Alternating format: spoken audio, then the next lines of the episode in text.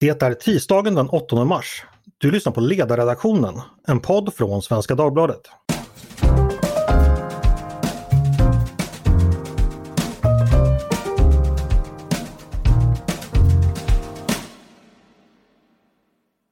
Varmt välkomna! Jag heter Andreas Eriksson. Det ryska angreppskriget mot Ukraina är nu inne på sitt tolfte dygn. Än så länge har Ryssland, i alla fall vad det verkar, mött mycket hårt ukrainskt motstånd och attackerna mot civilbefolkningen har intensifierats. Men det exakta läget på marken är förstås svårt att exakt utläsa för oss utomstående. Men idag ska vi i alla fall göra vad vi kan för att diskutera det som har skett hittills under kriget och om vi eventuellt kan dra några slutsatser om det. Med mig för att göra det har jag två kunniga gäster. Generallöjtnant Mertil Melin, tidigare bland mycket annat arméchef, militärbefälhavare vid norra militärområdet. Sveriges ledamot vid EUs militärkommitté och i NATOs militärkommitté för partnerländer. Välkommen hit Mertil! Tack så mycket! Och med mig också har jag Ilmari Keikö eh, som är forskare, författare, eh, docent vid Försvarshögskolan. Välkommen Ilmari! Tack så mycket! Eh, jag tror jag ska börja med dig eh, Ilmari. Jag sa ju inledningsvis att det är kanske svårt för oss lekmän att förstå läget i kriget i Ukraina just nu. Det är förstås svårt även för er som forskar och jobbar med saken. Men vad, vad går det att säga nu eh, så här snart två veckor in i kriget? Vad, vad, vad är det som har hänt och vad är det vi vet? Så det som har hänt är att eh, Putin har väl medvetet skapat en kris eh, nu i början av året i slutet av eh, 2021 som nu eskalerat till krig. Så så elva dagar sedan eh, attackerade Ryssland Ukraina och nu är det det kriget som vi har eh, observerat sedan dess. Det som vi redan nu kan säga är att eh, Ryssland har misslyckats med sin ursprungliga strategi. Det har inte alls gått lika bra för Ryssland som, Ukraina, eh, som, som Ryssland trodde och det beror inte minst på att de har underskattat ukrainska militären och motståndet från ukrainska befolkning och överskattat sin egen militärförmåga. Vet vi ungefär vad det var ryssarna hade planerat från början? Vad hade man tänkt sig så att säga? Nu om man spekulerar lite så de ville nog upprepa krimscenario från 2014. Så om man tittar på de här uttalade målen som Putin hade med den här eh, eh, militäroperationen, han kallar inte det för krig av inrikespolitiska skäl. De var väl, de var väl att, eh, att eh, byta regimen Zelensky ställa inför rätta de ansvariga för ett eh, folkmord i Donbass som vi vet aldrig har hänt och till slut eh, avväpna Ukraina. Mm. Så de ville helt enkelt eh, ehm, de ville åka in, byta, byta regimen och troligen uh, åka ut rätt fort. Inte kriga särskilt mycket, inte ockupera landet. Man tänkte att det ukrainska motståndet skulle bryta samman då relativt omedelbart. Var det så man hade planerat tror du? Det är den enda rimliga förklaringen om man tänker på hur Ryssland har krigat hittills, eller hur de började kriga. Till exempel, man hade ju samlat 190 000 soldater eh, runt Ukraina och sen går man in med 20 eller 30 procent av styrkorna. Mm. Sen om man jämför med till exempel vad, vad, Irak, vad, vad USA gjorde i Irakkriget 2003 eh, med det här chocken av, massiv våld, våldsanvändning i början. Ryssland gjorde inget sånt. Ryssland skickade inte ens in eh, Eh, Eh, huvuddelen av, av sin flyg, eh, flygmakt i början vilket då ledde till eh, ett, ett att de misslyckades skapa luftherravälde, vilket nu har blivit ett e-, enormt stort problem för Ryssland. Så att det, det, det där antagandet om ett begränsat motstånd från Ukrains sida, för mig är det den enda rimliga förklaringen varför de har gjort så. Och nu, nu har det varit all, alltså ett riktigt dåligt politiskt eh, eh, fel, felbedömning som de gjort. Jag går över till dig Martil. Vad har du hunnit göra för iakttagelser om de här knappa två veckorna av krig? Eh, håller du med om Ilmaris bedömning av den första tiden? Ja, jag skulle börja med kommentaren att den här truppförflyttningen, utgångsgrupperingen och det som då speglar det som blev stridsplanen sen, det intecknade också ett, ett nytt land, alltså Belarus, blev en del utav den ryska grundförutsättningen för det här kriget. Och, och, och, det gick alldeles väldigt lätt för Putin att övertala Lukasjenko om det här. Så, så där ser man hur löst den där eh, regimen är i sin eget, sitt eget agerande och hur lätt det är för Putin att sätta av en sån där utgångsgruppering. Eh, det kan kanske vara en, en spegling av att han hade underrättelser om att det fanns liknande eh, önskemål bland delar av den ukrainska befolkningen. Att, att de skulle vika sig ganska fort. För jag håller med Ilmar helt och hållet att det kan inte vara den här tidsplanen som låg till grund för det militära upplägget. Alltså. Och eh, när man sen inte använder alla styrkor från början så, så eh, har det splittrats och eh, man lyckas med delar av den här taktiska planeringen och anfallen men tiden rinner ut och eh, det är ju en, en, en, strategisk fråga för försvarare att kunna hålla ut så länge som möjligt. Mm. Det verkar ju som jag, en del av förklaringen till den, svaga ryska eh, insatsen hittills det är ju att både Ukrainas militära styrkor men även civilbefolkningen har visat sig ha en motståndskraft som man inte riktigt hade räknat med. Eh, delar ni den bilden? Om vi börjar med dig Ilmarie. Absolut och eh, det som är viktigt att poängtera här att det här fenomenet är inget nytt i Ukraina. Så 2014 när, när Putin började kriga i Ukraina när, när de invaderade Krimhalvön och sen eh, började kriga i Donbass så då var det väl många volontärer i Ukraina som eh, tog till vapen och sen började kriga mot separatister. Så att eh, det här volontärfenomenet, det här motståndet, det är inget, inget nytt i sig. Det som vi ser idag dock, eller det, det som skiljer sig från 2014 idag är väl två saker. Det första är att idag är det mycket bredare fenomen. Att det är många fler i ukrainska samhället som har tagit till vapen som gör motstånd och man kan väl göra motstånd i många olika sätt. Eh, det andra är att den ukrainska militären är mycket starkare nu än i 2014. Så, så det här sker mycket mer kontrollerat än, än, än då. Och, och eh, det är väl det här motståndet som Putin har inte räknat. Mm. Vad, vad, säger du Martin om det ukrainska motståndet? Tror du Putin och ryssarna är förvånade över den kraft man har kunnat uppvisa hittills? Ja, det är, rimligen är det så att de inför Putin hade en helt annan tidsplan. Så någonstans måste ju förvåningen uppstå i, i ledarskapet här. Det är alldeles givet. Den förbättring av eh, stridskrafterna som NATO-länder framför allt har bidragit till under de här åtta åren sedan Krimkriget eller Krimockupationen. Det, det är ju en del av det NATO program som man tecknade i juni 2014 så blev Sverige och eh, senare Ukraina partnerländer med särskilda förutsättningar att få hjälp ifrån NATO och samarbete med NATO. Och det är ett par år sedan Ukraina fick komma med i det avtalet också, 2020. Mm. Och sen tänkte jag lägga till en sak att det ukrainska samhället och den ukrainska politiken har också ändrats väldigt mycket av Putins krig. Så att 2014 var ju det ukrainska samhället det var väl splittrat, splittrat efter, efter Majdan-revolutionen. Men den har enats nu på grund av Putins krig. Så att eh, det är vissa som säger att Putin har skapat eh, den ukrainska nationen. Så nu 2022 ser vi att den stämmer nog. Och nu har dessutom Ukraina ett externt fiende i form av Ryssland. Så att eh, det är alla som, eller kanske inte alla men väldigt, väldigt många i Ukraina som, som har börjat delta i det här kriget och för Ukraina är det väl ett försvarskrig. Så att det, det är som en av mina bekanta som krigar i Ukraina säger att det här är vårt hem. Vi ska inte någonstans, vi har ingenstans att ta väg till. Utan det är ryssarna som är ockupanter, de måste bort, de måste lämna. Mm. Vi ska gå över till, till ryssarna. Eh, tänkte börja med dig eh, Märti där. Du har ägnat ditt yrkesliv åt att bland annat antar jag studera eh, rysk militär. Nu när du får se dem i aktion i Ukraina, vad kan vi dra för slutsatser om hur väl ryska försvarsmakten fungerar idag och ja, deras förberedelser, deras moral? Vad tänker du?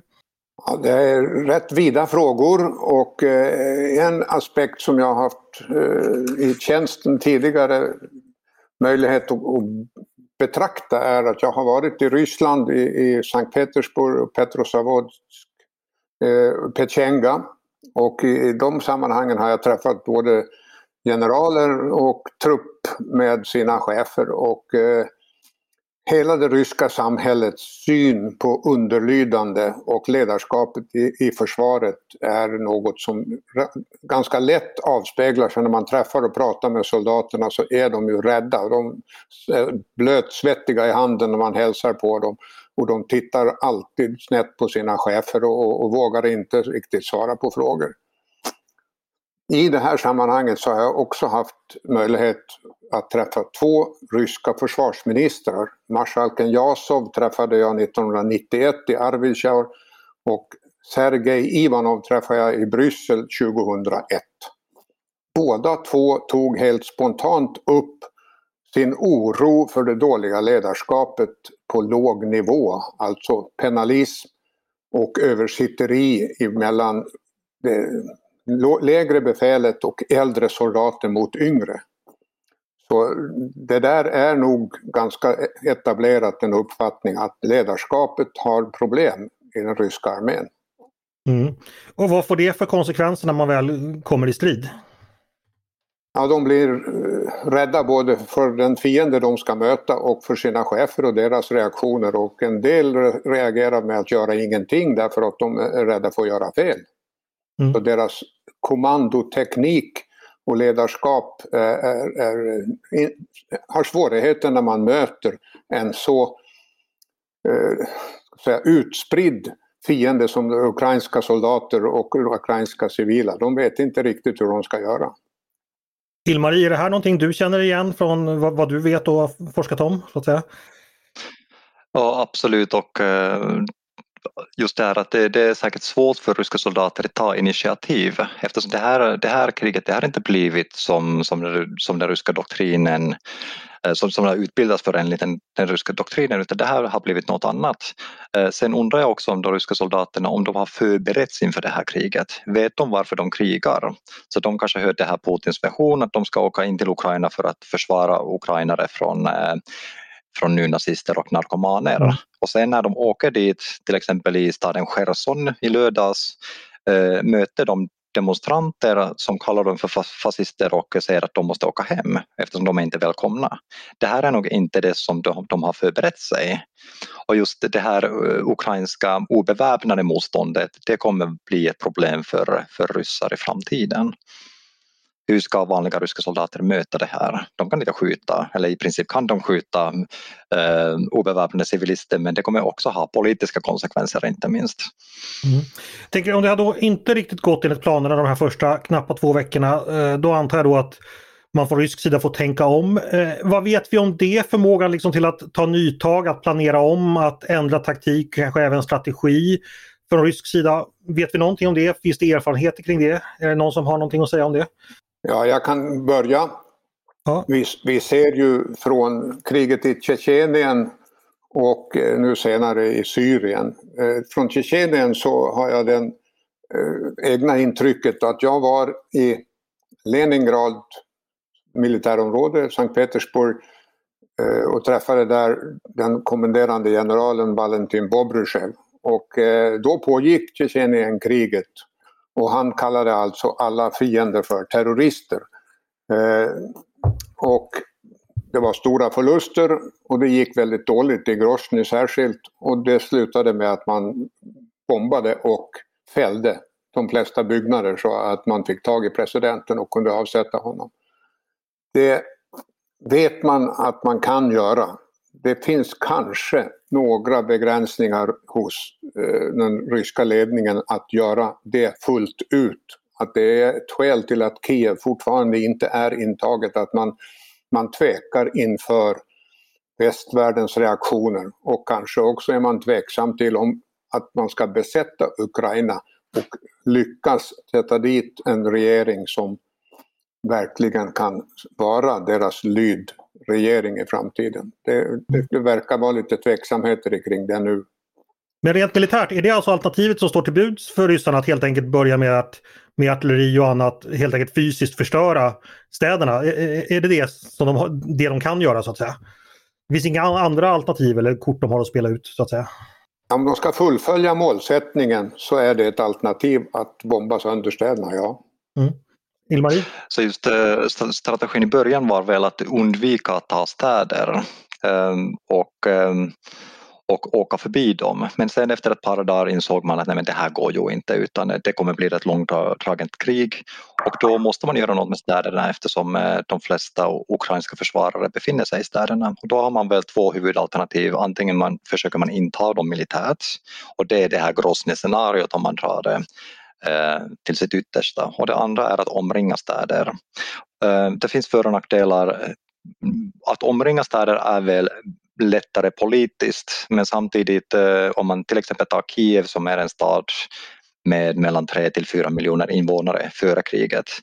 Eh, det här eh, omkretsen ehm, eller stadens omkrets det, det skulle vara 90 mil lång så att det, Ryssland har inte tillräckligt mycket styrka för det. Det är helt omöjligt för, för dem med, med den nuvarande manskapet att åstadkomma det.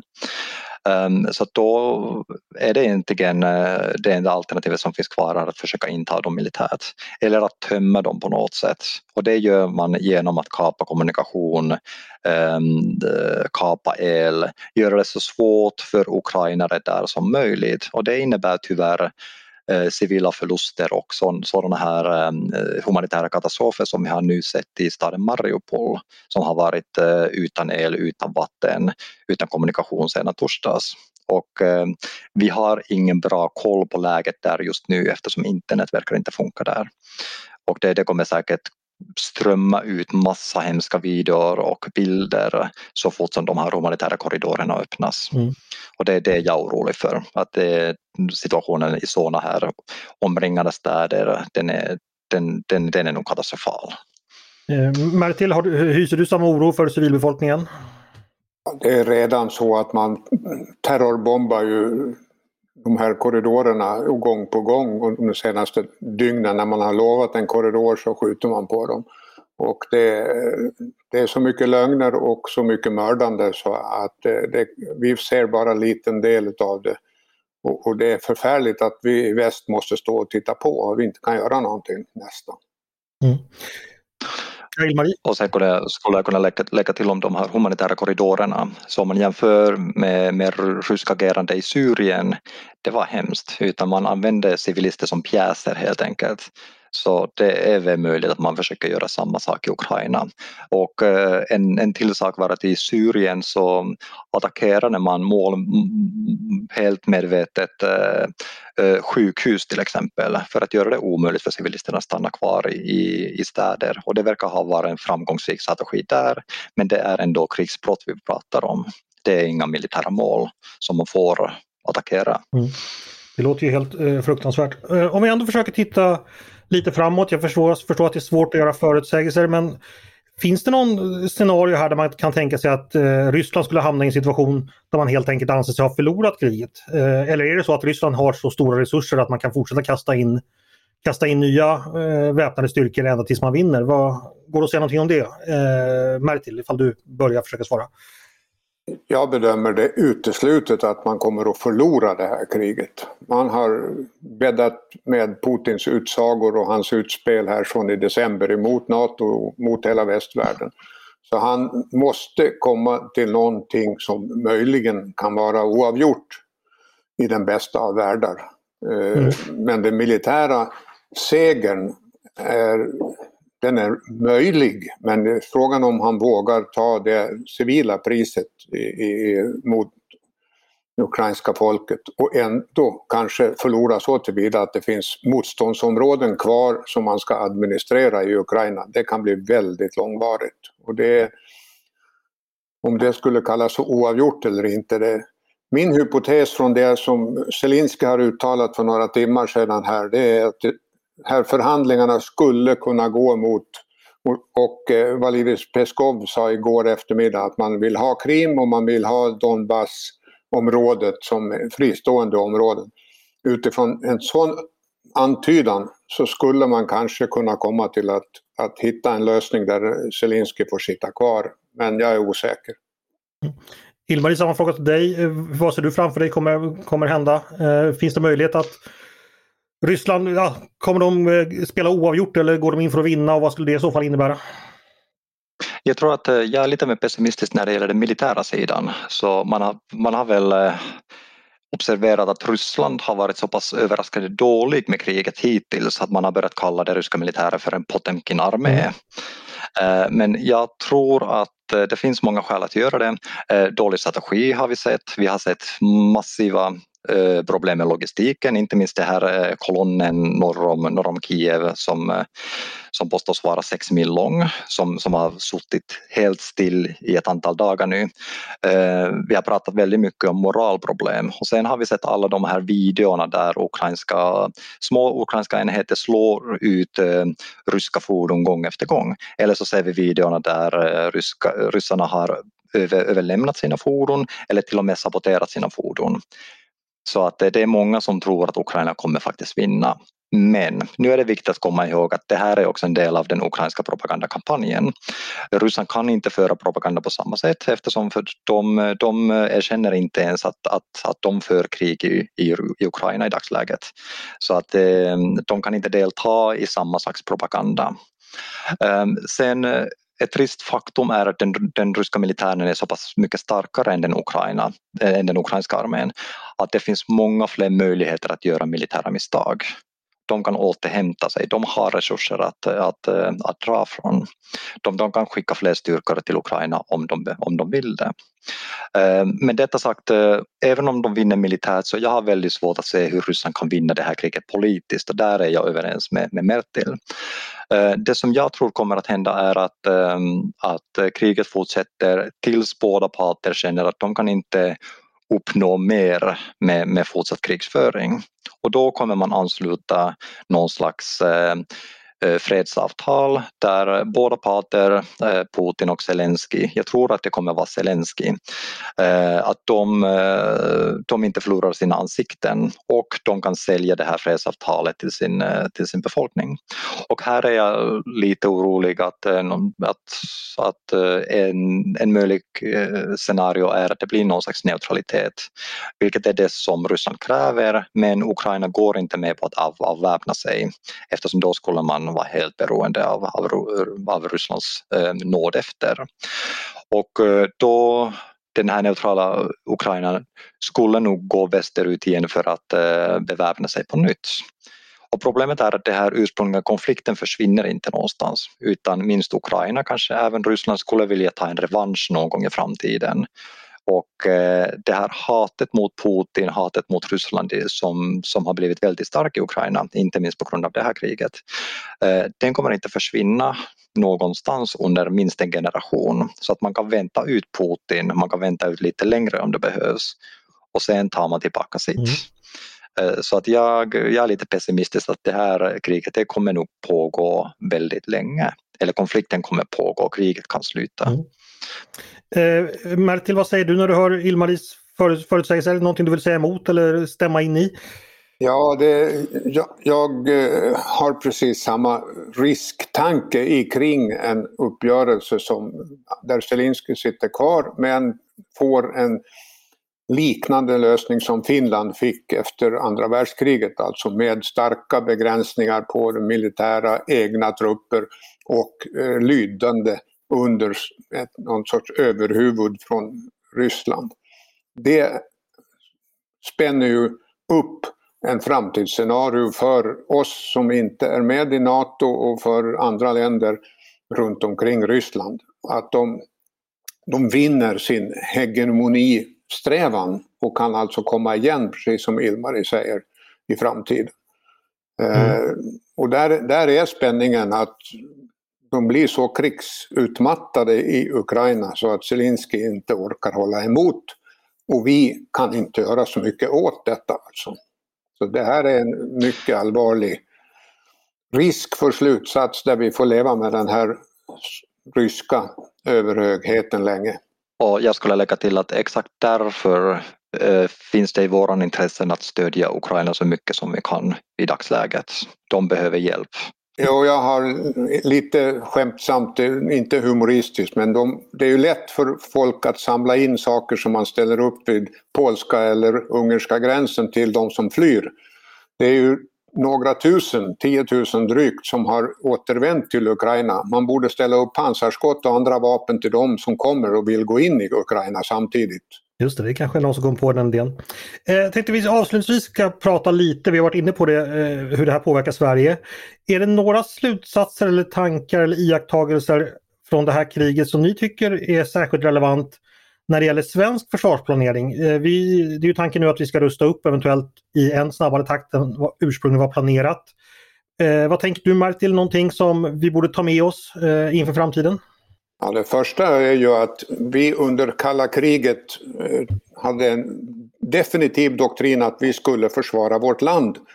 Sen dribblar man bort det här efter eh, 1996-97 och många år framöver. Men nu är vi tillbaka där. Vi ska försvara vårt land och vi kan dra den tydliga slutsatsen. Det är även emot en stor björn lönsamt att bita ifrån sig med allt som folket kan och har. Eh, Ilmarie, vad, vad säger du?